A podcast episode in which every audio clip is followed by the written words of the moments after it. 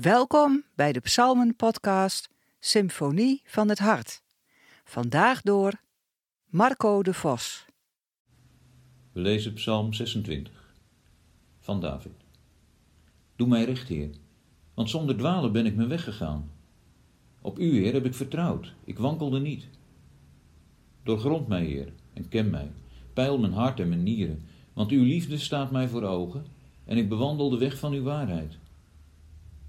Met bedriegers zit ik niet aan, met huigelaars ga ik niet om. Ik haat de kring van slechte mensen, met wettelozen wil ik niet aan tafel. Ik zal mijn handen in onschuld wassen, een rondgang maken om uw altaar, Heer.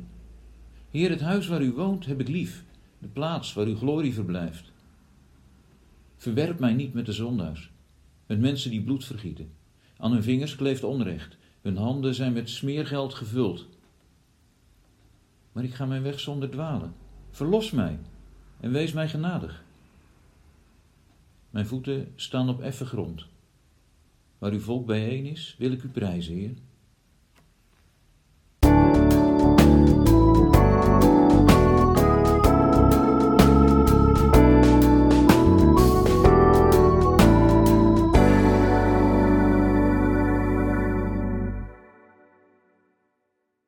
Hoe vaak hoor ik niet uitspraken als hij zal het er zelf wel naar gemaakt hebben. Of dan had ze ook maar niet. Daarmee verwijten we onrecht dat iemand overkomt aan die persoon zelf. We hebben er kennelijk grote moeite mee om te accepteren dat onrecht soms aan onschuldige mensen wordt aangedaan. Natuurlijk, we zijn allemaal zondaars die verlossing nodig hebben, maar dat betekent niet dat er geen onschuldige slachtoffers zijn. Mensen die het er in concrete situaties echt niet naar gemaakt hebben. Mensen die we dan eigenlijk nog groter onrecht doen als we hun onschuld in twijfel trekken. In zo'n situatie van onrecht is deze psalm geschreven. We weten niet wat er precies aan de hand is, maar de psalmist heeft vijanden, wordt bedreigd. Het is goed om dat te bedenken, anders klinkt het middenstuk in onze Calvinistische oren al snel als zelfrechtvaardiging. Maar de psalmist vraagt juist aan God om hem recht te doen, om hem te verlossen. Dat wordt heel duidelijk als we kijken naar de Hebreeuwse werkwoordvormen. Er staat drie keer een imperatief. In het Nederlands noemen we dat een gebiedende wijs, maar die term is misleidend. Een imperatief kan een dwingende opdracht zijn, maar het kan evengoed om een dringende oproep gaan. Als wij in gebed uitroepen: Heer, ontferm u, dan is dat geen opdracht aan God, maar een oproep met een hoge urgentie. Dat geldt ook voor de drie imperatieven in deze psalm. De eerste vinden we meteen aan het begin. Doe mij recht, Heer. De andere twee horen we in het voorlaatste vers. Verlos mij en wees mij genadig. Dat kadert deze psalm. Drie dringende oproepen aan God. Een oproep aan God om het voor de psalmist op te nemen om hem te rechtvaardigen. Een rechtvaardiging die kennelijk te maken heeft met verlossing en genade. Daar gaat het in deze psalm om. Die smeekbede wordt onderbouwd met een oproep. Onderzoek me maar, stel mijn hart maar op de proef. Kijk maar naar wat er in me leeft. Dat wordt niet arrogant of triomfantelijk gezegd. Met die uitnodiging stelt de psalmist zich juist kwetsbaar op.